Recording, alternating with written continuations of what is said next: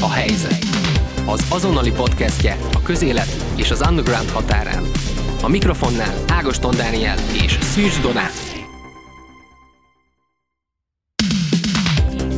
Interjú. Varga Balázs ül velem szembe, aki a Fekete Zaj alapítója, illetve a Tixa ügyvezető tulajdonosa, aki éppen a Mátrából ért ide hozzánk, egészen konkrétan be a stúdióba. Azt hiszem talán úgy is hívtalak ide, hogy, hogy, hogy éppen egy túrán voltál, valahol a hegyekben egyedül. Besokoltál az itteni dolgoktól, vagy, vagy vannak ilyen elvonulásaid? Szia, Dani!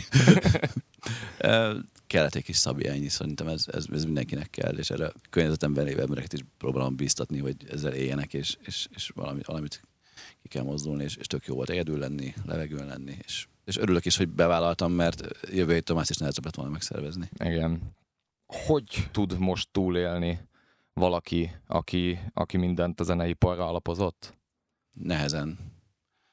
Kreativitás, illetve szerintem fejben dől el a dolog. Tehát próbálunk a kollégákkal odafigyelni egymásra, beszélgetni arról is, hogy, hogy ki, ki milyen ponton van éppen ebben az egészben, ki hogy éli meg ezt az egész helyzetet, és, és kicsit munkahelyi dolgokon túl próbálunk odafigyelni egymásra, és, és, és, és barátként is kezelni egymást. És gyakorlatban? Tehát inkább most mindenki otthon ül valószínűleg. Leginkább home office-ból dolgozunk, a, a korábbi irodánkat azt 90%-ban felmondtuk, egy pici helyiségünk maradt belőle, illetve van egy másik helyiségünk még, ahol szintén kis csoportban vagy szólóban tudunk dolgozni, ez egy ilyen coworking iroda része.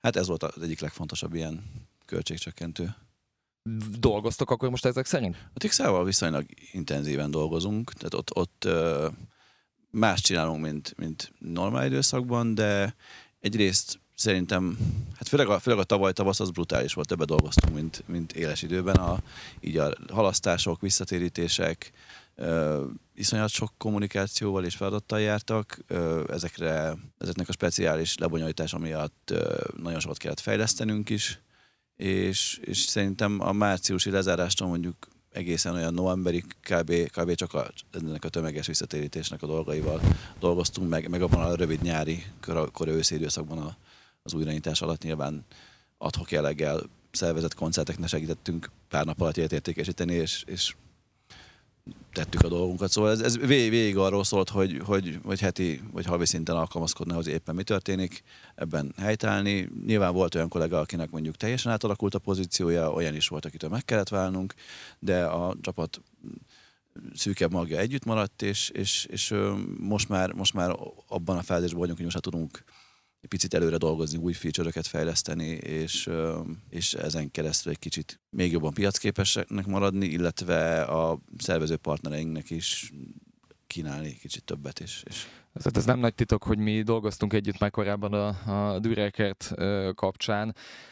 Ezért mondom meg, hogy ugye akkor abban az időszakban tényleg azt mind a ketten talán mondhatjuk, hogy, hogy, hogy ez egy nagyon-nagyon prosperáló időszak volt akkor. Tehát tulajdonképpen az a, a vírus előtti időszak volt olyan, hogy talán mindenkinek minden pénze visszatérült volna. Ez, ez százas fordulaton pörgött minden. Ti tudtatok e már profitot termelni a, a járvány előtt a Tixával? Igen, a Tixa piacképes volt azt kell rólunk tudni, hogy befektető nélkül működünk, sosem volt befektető a cég mögött, ez mindig a, a saját növekedésével együtt nőtt. Ennek a, voltak olyan szakaszai, amikor egész jó kis tartalékot tudtunk képezni, még kicsit poénkodtunk is azon, hogyha hat hónapra leállna a zeneipar Magyarországon, akkor, akkor is túlélne a cég abban a formájában.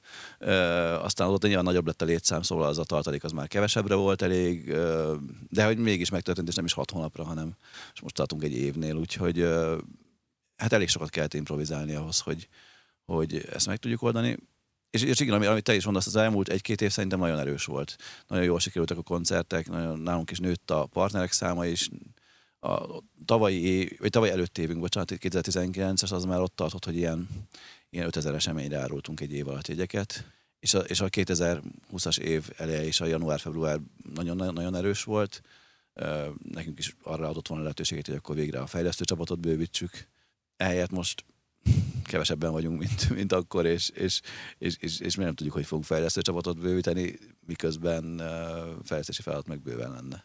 Hogyan tudtatok érvényesülni a jegyértékesítés online piacán? Nincsenek olyan külföldi versenytársak itt, akik nem tudom, jobb, olcsóbb szolgáltatást, vagy sokkal nagyobban vannak, tehát hogy független magyar közepes, kis vagy közepes vállalkozásként euh, mégis elég nagy publicitást értettek el ezzel, hogy több mint 5000 koncertre adtatok el jegyet már.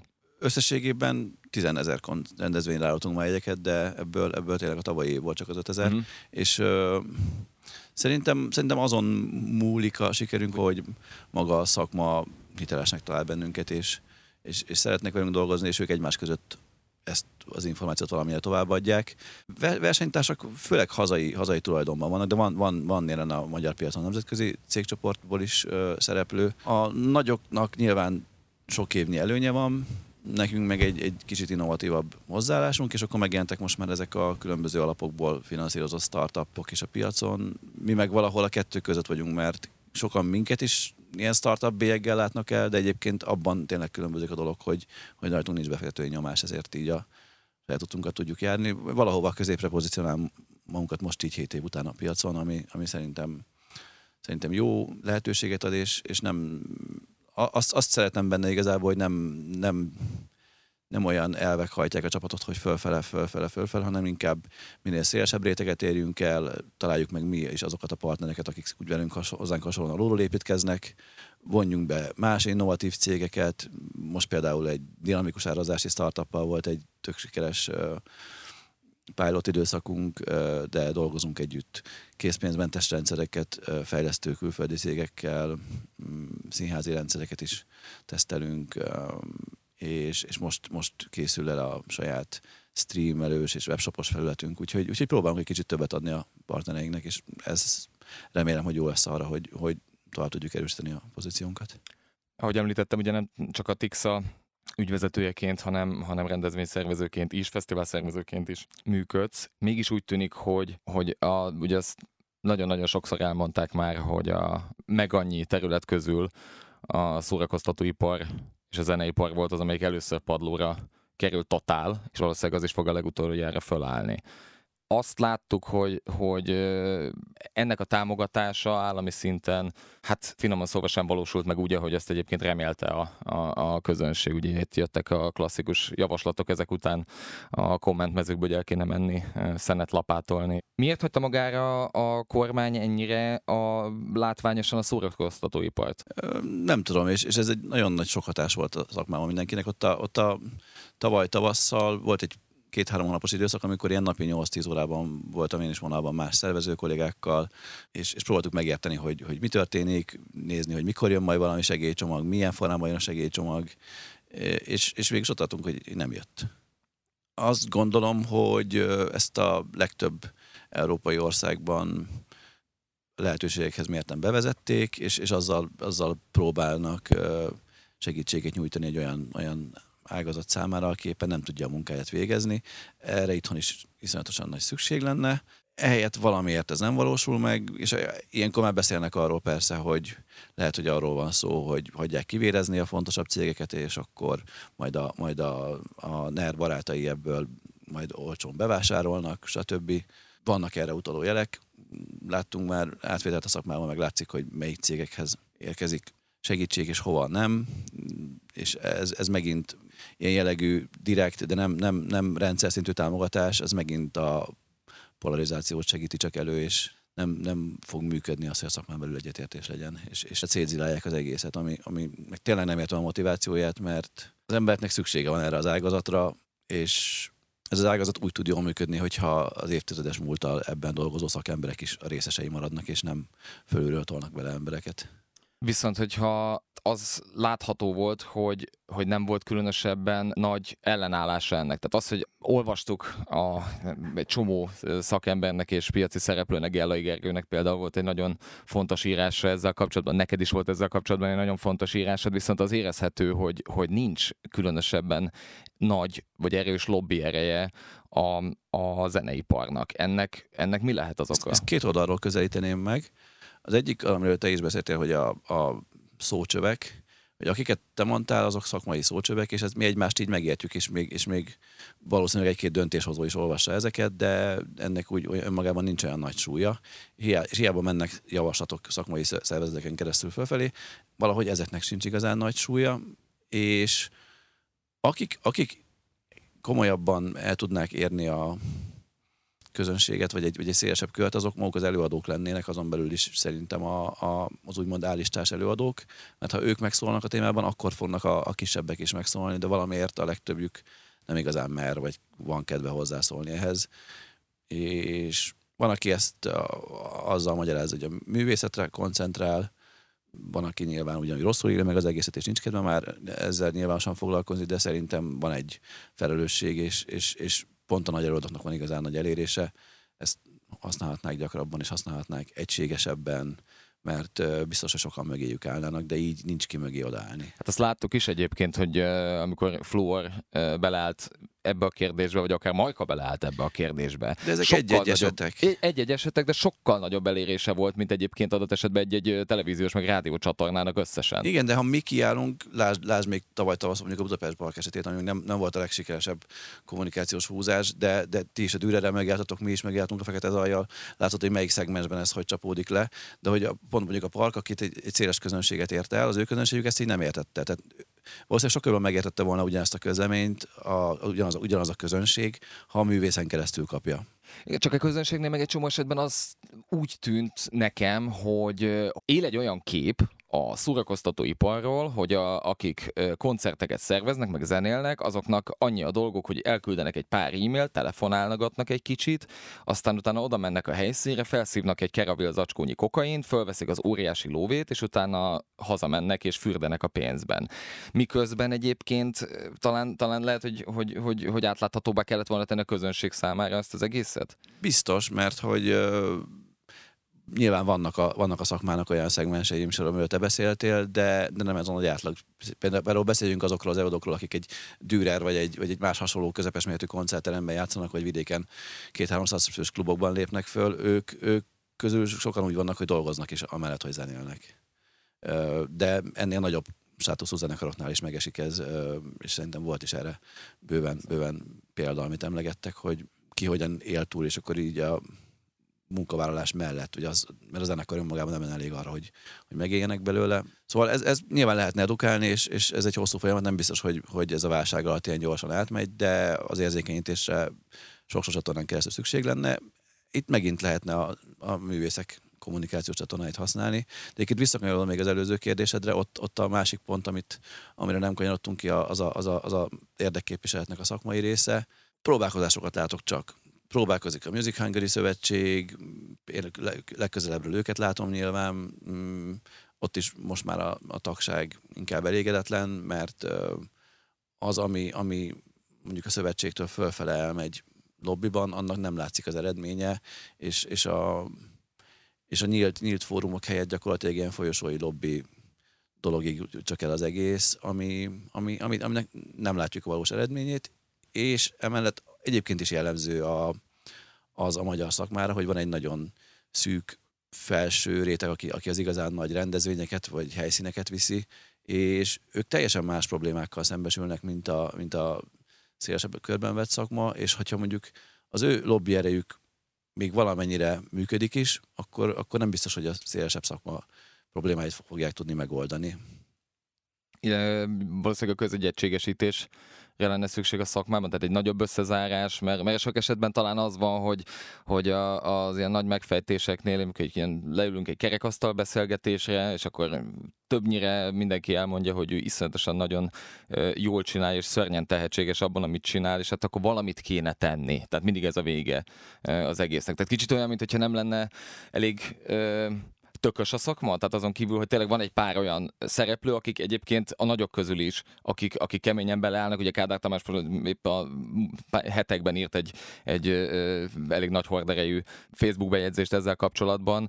Nem lehet, hogy ezt valahogy valakiknek össze kéne szedni, vagy hogy lehetne ezt összeszedni? Folyamatosan vannak próbálkozások, de egyébként szerintem ez nem csak, nem csak válságfüggő.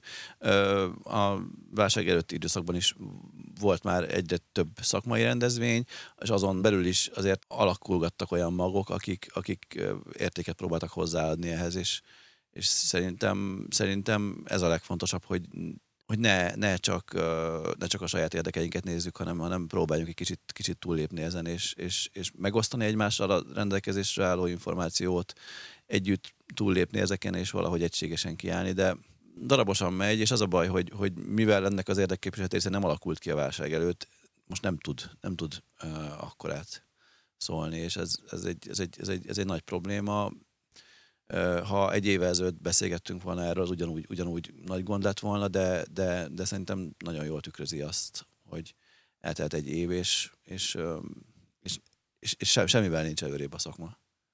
Nincsen segítség, és csak, csak hullanak ki az emberek az egészből, és, és, és, és az is nagyon nehéz elképzelni, hogy egy újranyitás után milyen állapotban lesznek azok a stábok, akiknek hirtelen kevés idő alatt rendezvényeket kellene szerveznie, helytállni, lehet, hogy új szabályozásoknak megfelelni. Hogyan és kikkel? Kik, vagy ki az szerinted, aki a legtöbbet tett a magyar könnyű zenéért az elmúlt tíz évben, ha már ilyen a helyzet? nem szeretnék nevesíteni senkit, hanem szerintem, szerintem egyébként pont, pont az a mag, aki nem, nem, a, nem a múlt dicsőségein lovagol, hanem, hanem, hanem, hanem, hanem kicsit, picit előre néz, és kicsit, kicsit uh, szem előtt tartja azt, hogy, hogy, hogy úgymond megtisztuljon a szakma, vagy például elég, elég teret kapjanak a szakmában azok a, azok, az a, azok a fiatalabb menedzserek, akik már egy képzés után érkeznek meg hozzánk, és nem, nem csak arról, ne, ne, ne csak azoknak legyen szava a szakmában, akik, akik már 30 éve ezt csinálják, hanem, hanem egyébként vegyük észre azt, hogy nagyon tehetséges és nagyon lelkes kollégák érkeznek közénk, nekik, nekik teret kell adni, be kell őket vonni a csapatokba, és, és sokkal jobb lesz velük dolgozni, és, és ahol, ahol ők teret kapnak, mm, na azok az értékes közösségek, és ez közösségi szinten mérném inkább a dolgot, nem pedig egy személyre vetítve. Ez egy magyar betegség egyébként, vagy ez, hogy, hogy, hogy a múlt dicsőségén ö, révedünk állandóan, illetve hogy tehát a fiatalok, a progresszivitásnak az előrevetítés, az valahogy, valahogy ez így nem szokott itthon. Tehát, tehát vagy ez egy szakmai féltékenység lehet, vagy inkább, inkább, inkább az, hogy, hogy, hogy én majd jobban tudom. Részben. A nemzetközi konferenciánkon is megvannak a dinoszaurusz panelek, ahol, ahol hallgatjuk a régi sztorikat, és egyébként nagyon, nagyon szórakoztató, mint meg, meg nagyon jókat lehet tanulni tőlük. De igen, tehát itthon azért könnyebben összezár egy kicsit a szakma, és ö, valószínűleg ez, ez pont olyan, mint az életnek a többi területe, hogy nem történt meg az igazi rendszerváltás még. Említetted, hogy ebből a helyzetből nagyon nehéz lesz egységesen belállni. Nyilvánvalóan, hogyha kinyitás lesz, akkor ránk fog szakadni a, a, tehát az egész országra, úgy értem, közönségre mindenki rá fognak szakadni a rendezvények, valószínűleg olyan túlkínálat lesz, hogy őrület. Jó eséllyel, vagy legalábbis úgy tűnik, bár erre még egyáltalán nincs, csak felvetés szintjén dobta be a kormány, hogy, hogy bevezetik az oltási igazolványokat. Szerinted ezeket a jegyvásárláshoz is kötni fogják? Lesznek-e olyan eddig nem létező tendenciák a jegyvásárlásban, a koncertre járásra, mint például az oltási igazolvány, és hogy ehhez hozzá lesz szerinted kötve a beléptetés egy rendezvényre? Lehet, hogy egy kicsit erős gondolatmenet a részemről, de hogy eddig az elmúlt egy évben én nagyon szakmai alapú szabályozást nem láttam. Azt tudom, hogy a szakmai irányából rengeteg ilyen lehetőség is ötlet merült föl, és, és a szakma jó része nyitott arra, hogy egyébként ha meg kell felelni valamilyen rendezvénybiztonsági új előírásnak, akkor azt, azt mindenki megteszi azért, hogy dolgozhasson, de, de gyakorlatban inkább, inkább ilyen tiltások formájában érvényesült eddig a, a szabályozás. Úgyhogy én gyanítom, hogy, hogy most sem lesz, hanem egyszerűen addig, addig húzzák a tiltást, amíg, amíg nem csinálnak egy teljes nyitás, vagy, vagy maximum ilyen létszámkorlátos dolgot. Aztán, ha, ha mégis máshogy alakul, akkor pedig szerintem mindenki nyitott rá, hogy, hogy legyen egy dokumentáció, tudjuk, hogy mi alapján kell ezeket a, ezeket a igazolványokat ellenőrizni, valószínűleg, vagy remélhetőleg valami elektronikus útja lesz, és akkor akár egy jegyértékesítő platformon, akár egy beléptető rendszerben, akár egy biztonsági rendszerben ezeket valamilyen szinten lehet kezelni, de ennek ehhez, ehhez technológia és adatvédelmi dokumentációra is szükség lenne, és még, még semmit nem láttunk belőle. Ezzel kapcsolatban mi a helyzet a nemzetközi visszhangokban? Mm, vannak olyan országok, ahol voltak tesztesemények, limitált mozgástérrel, limitált befogadó képességgel, volt, ahol már az egész engedélyezési rendszert is úgy alkották meg, hogy ott a, a belmagasságot is figyeljék, a szerőszető rendszert figyeljék, tehát nagyon-nagyon-nagyon összetett módon, és, és annak megfelelően adják ki most a majd az engedélyeket arra, hogy ki hány fővel operálhat. Ezek, ez, ez most napi, napi meg heti szinten változik, mi is figyeljük ezeket a fejleményeket, de de addig, addig ez csak egy ilyen ábrándozás, amíg, amíg nálunk nem vezetnek be semmi konkrétat. Azt gondolom, hogy hosszú távon nem ezek a, nem ezek a korlátozások fogják jelenteni a megoldást, meg, hanem, hanem, hanem ezek csak inkább annak lehetnek az eszközei, hogy ahol, ahol bevezetnek valami ilyen plusz szabályozást, ott valamilyen mértékben uh, lehet egy részleges nyitás, és, és legalább akkor dolgozhatunk. Hát annak De... úgy nem sok értelme van egyébként, hogyha nincs erre mondjuk egy egységes Európai Uniós direktíva adott esetben, vagy Szerintem szabályozás. az nem lesz. Szerintem az nem lesz. Tehát ezek ez marad az országoknál. Lásd, a franciák is kértek az, hogy 5000 főig lehetnek fesztiválok, ami nagyon jó hangzik, de az 5000 főnek ülnie kell. Hogy vág bele így egy fesztivál szervezésbe? Tehát hát az, azon kívül, hogyha mondjuk ez egy, egy rendezvény bejelenti azt, hogy, hogy oda csak oltási, oltási igazolással lehet menni, viszont ugye ez nem kötelező, egy másik meg azt mondja, hogy hozzánk lehet jönni anélkül, és akkor valószínűleg piaci hátrányba kerül az, igen. Aki, aki nem az oltásokat preferálja. Tehát a magyar piacon mindig a nagyok szabályozzák. Tehát, hogy a, amit, amit, amit nagyjából a Sziget és társai maguknak kikönyökölnek, ilyen volt például az áfacsökkentés, azután a később a, a szélesebb körben vett szakma számára is jó jött, és ez például így, ha, így, ha visszamegyünk egy korábbi kérdésre, ez, ez például egy fontos lobby tevékenység volt sok évvel ezelőtt, hogy legalább a fesztiválok áfája csökkent, de a legfontosabb lobby tevékenység ezen a téren megint az lenne, ha végre, végre átmenne ez az egész, egész könnyű zenére vonatkozó áfa csökkentési javaslat, ami nem 18, hanem nem is 27, hanem 5% ról szólna. Erre vannak tervek, de... Lehet előre tervezni? Igen, kell is. Szerint a legtöbb fesztivál szervező, akivel beszéltem, két-három verzióval dolgozik, a, de hogy a klubkoncertekről is beszéljünk, ott pedig, ott pedig aki még tartja a 2021-es dátumait, az már foglalja a 2022-eseket is. Ö, és, és koncertszervezőként szerintem ez a legnehezebb, hogy, hogy még mindig pozitívan és nyitottan válaszolni az ügynökségeknek, hogy ajánlatokat adni a semmire, amikor tudod, hogy, hogy az egész ló a levegőben, és, és, és érzed, hogy néha már csak az ügynök kapaszkodik abban, hogy ez a turné meg fog valósulni, de egyébként fogalmatok sincs, hogy mikor. Hogy állnak hozzá egyébként a menedzserek? Hogy állnak hozzá a zenekarok ehhez a dologhoz? Hát, mivel, mivel mint koncertszervezők a legtöbben egymás konkurenciái, így szerintem olyan, olyan őrült nagy párbeszéd erről nincsen. Ezt az előleg kérdést ö, valamennyire érzem, de ne, nekem például nem, nem áll benne olyan nagyon sok előlegem. A, a, a tavaly nyári Fekete Zaj kapcsán van, van néhány zenekar, aki, aki addigra már márciusban már ki volt fizetve. Mm, ott ott volt, aki ezt javasolt, hogy visszafizeti, volt, aki meg most, most csöndben van inkább, és, és de egyébként valószínűleg ők is majd meg fogják csinálni a koncerteket, csak nekik valószínűleg ez, ez ad egy kis mozgást, hogy ott van ez, az előleg. Mm. Nálunk például a Fekete Zajnál valamennyi, valamennyi támogatást adott a közönség így a különböző közösségi akciókon keresztül, úgyhogy, úgyhogy most nem az volt a fő dolgunk, hogy mindenképpen visszakérjük azoktól az előlegeket a bandáktól, hanem, hanem, hanem inkább azt próbáljuk velük jelenleg letárgyalni, hogy amint, amint zöld jelzés van, akkor ők jöhessenek, és, és, és, és azokat a koncerteket tartsuk meg. Úgyhogy nálunk például az alternatíva kérdés az úgy van, hogy a, van egy A verziónk a Fekete Zajon, ahol, ahol naponta néhány külföldi fellépő, és ennek a B verzió az, hogy a tavalyhoz hasonlóan csak magyar fellépőket tartjuk, meg a C az pedig, hogy nem lesz fesztivál, és akkor ezeket, ezekre, ezeket tologatjuk most, és várjuk, hogy, hogy mikor kell ezt eldönteni, melyik verzió legyen. Na ezt azért bontsuk ki egy kicsit jobban, hogy a Fekete Zaj az ugyancsak egy, egy igen alulra szerveződő, szinte közösségi fesztivál, ahol, ahol, ahol egy nagyon erős és nagyon um, hűséges vagy hű támogatói életeközönség van. Mennyiben voltak megértőek ebben a helyzetben a, a lemondásokkal, illetve az esemény tologat, események tologatásával, ugye mert nem csak a maga a fesztivál van, hanem, hanem sokkal több kis fekete zaj is van téli, például meg, meg ilyen kisebb fekete zaj butik bulik, hogy talán lehet így mondani, hogy, hogy mennyire voltak ezzel kapcsolatban megértőek, mennyire volt, mennyire segített neked az, hogy egyáltalán ezt, ezt, ezt átvészeld, és mik a tervek? Szerintem, szerintem nagyon megértő közönségünk van, valószínűleg amiatt is, hogy ők a zenefogyasztásán túl nyitottak arra is érdekli hogy, hogy hogy szerveződik meg egy fesztivál, vagy, vagy mi van egy klubkoncert megszervezésének a hátterében, és, és ők, ők, ők egy részük direktben is kapcsolatot ápol az előadókkal, meg velünk is, úgyhogy amikor ez a bizonytalan helyzet előállt, akkor mi igyekeztünk folyamatosan kommunikálni velük, nem mindig a főcsatornán keresztül, hanem van, van egy zárt csoportunk, ahol ben van körülbelül ezer ember, ők, ők így az aktívabb mag, és, és akkor itt, itt, itt próbáltuk ezeket, ezeket átbeszélni velük, hogy, hogy mikor történik már végre valami, mire várunk, ha, ha történik valami, akkor arra mit tudunk reagálni, és ez most is, most is fontos része az idei kommunikációs tervnek, hogy a csoporton belül is megvitassunk a, a közönséggel dolgokat. A fesztivál idején hely, helyszínén is szokott lenni egy ilyen kérdezfelelek jellegű program, ahol egész sokan ott vannak, és részt próbálnak válni a fesztiválból, vagy kérdezni, pró, kérdeznek arról, hogy, hogy, hogy mi van a háttérben, sok önkéntesünk is van, van, aki a helyszíni lebonyolításban segít, mások a promócióban a fesztivál előtt.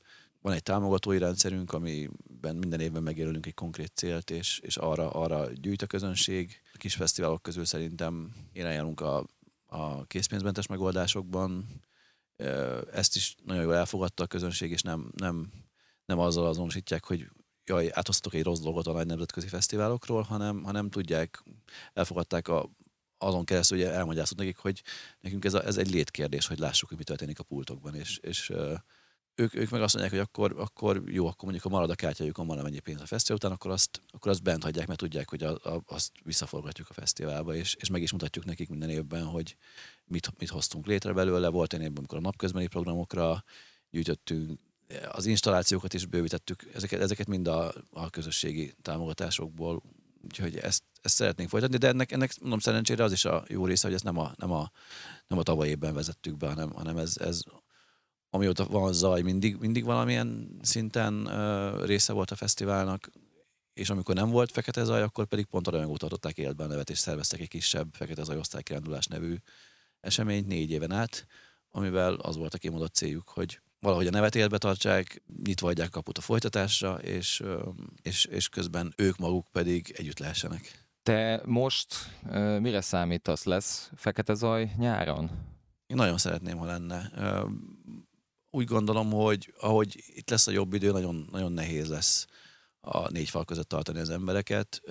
Nagyon bízom benne, hogy erre, erre lesz valami reakció sok más fesztivál szervezővel is beszélgettem, ők is mondták az ő különböző alternatíváikat, létszámra vonatkozóan nekünk is megvan, ezt figyelünk erre. Most még szándékosan nem nyitottuk el, nem nyitottuk el egy, egy előjövételt, hanem kivárunk ebben. Nem gondolom azt, hogy most még ez helyén való kommunikáció lenne a, a közönség legszorosabb magja az úgyis egyből megveszi, hogyha, hogyha zöld a helyzet, de jó lenne, ha nem kéne addig várni, mint tavaly, mert tavaly kb. 5 hetünk volt megszervezni a fesztivált, ami, ami teljesen, teljesen idegbajos időszak volt, és, és, és, és még egy-két nappal a fesztivál előtt is azért voltak olyan pontok, amikor azon gondolkozunk, hogy hogy lesz ebből a fesztivál, mert olyan kardinális dolgokat nem sikerült még elintézni, de egyébként meg, meg szerintem az a lebonyolítási módot jól vizsgázott, a hatóságok elégedettek voltak vele, sajtó is kint volt, megnézték, közönség is jól érezte magát, vigyáztak egymásra, Nekünk ebben a szituációban az a szerencsénk, hogy kicsik vagyunk, tehát hogyha részleges nyitás lesz, még akkor is van esélyünk, hogy egy viszonylag nagy alapterületű, várostól távol lévő helyszínen, ami higiéniailag is vállalható, tehát jól, jól felszerelt vizes blokkok vannak, fertőtlenítő állomások, hogy ezt, ezt ott azért én nagyon bízom benne, hogy valami, valamilyen módon meg tudjuk szervezni.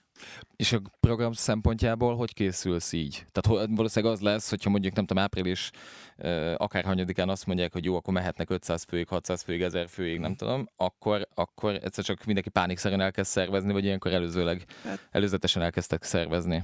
Alapvetően egész évben szervezzük a fesztivált. Most azért kicsit, kicsit az ősz kiesett, nem volt nagyon hol nyúlni, és nem, nagyon nem érezte a csapat, hogy, hogy ezt hogyan lehetne mozgatni. Ez nyilván, nyilván rajtam is múlt, én sem tudtam ösztönözni a stábot erre. De a zenekari jelentkezést azt a napokban elindítjuk, mellette a nemzetközi adókkal ugyanúgy tárgyalunk, de ott mindenkinél feltételes módok vannak, és ha van hír, akkor arra reagálunk, és úgy lépünk tovább, de egyébként nem, nem lehet tényleg, nem lehet, nem lehet a nyárig várni minden ilyen hanem nekünk egy kész programtervet meg kell csinálnunk, ugyanúgy, mint a nagy fesztiváloknak, és, és aztán azt a programtervet módosítani annak megfelelően, ami, amit a szabályozások majd adnak, és illetve egy másik ponton pedig uh, szintén meg kell szabni egy olyan pontot, ahol, ahol ki kell mondani, hogy akkor sajnos ez nem fog menni. Szerinted át fog alakulni a zenei piac ö, a válság után? Ugye nagyon sokszor merült föl az, hogy, hogy a közönség meg a szervezők alapvetően a külföldi minél nagyobb, lehetőleg minél nagyobb neveket preferálták. Most, hogy valószínűleg még nem fognak tudni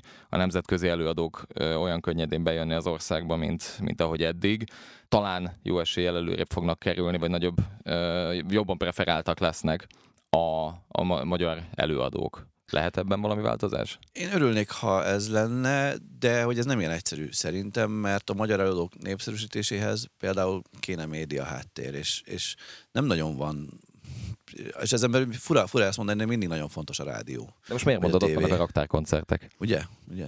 Persze. Te melyiken voltál?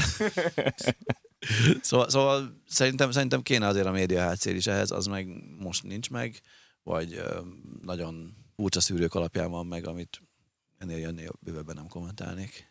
Az miért egyébként annyi, nem úszod meg, mert hogy ö, Magyarországon olyan ö, zenei újságírás például, mint, mint mondjuk külföldön nem nagyon van. Tehát tudjuk, hogy van a, a, vannak speciálisan egyébként olvasott és jó zenei újságjaink, illetve újságok, de, de, de azért az nagyon sokszor tényleg érezhető, hogy, hogy, hogy sokszor azokat veszik előbbre inkább, akik mondjuk, akikkel együtt kávéznak, akikkel együtt söröznek, és együtt járnak. Ajánlók vannak, kritikai újságírás nem nagyon van. Igen. Ami, ami, ami számomra is furcsa és hiányzik. De ha, ha, ha, ha már csak promotálni kell a, a, az értékes elemeit a magyar zenének, akkor, akkor ahhoz meg egy, egy rádió is elég jó lenne, és sokat segítene. Mm, nem látom ezt jönni. Szóval végére hagytam a legfontosabb kérdést, hogy szerinted ki a nagyobb rocker? Karácsony Gergely vagy Demeter Szilárd? Szerintem nem attól lesz valaki nagy rocker, hogy hány felvarrója van, vagy mit, milyen szavakkal és milyen hangosan mondja magáról, hogy mekkora rocker. A tetteken múlik, és jelenleg ezzel szerintem még mind a ketten adósak. És üzenem nekik, hogy a szakmának rohadt nagy szüksége lenne erre. Nagyon szépen köszönöm. Köszönöm is.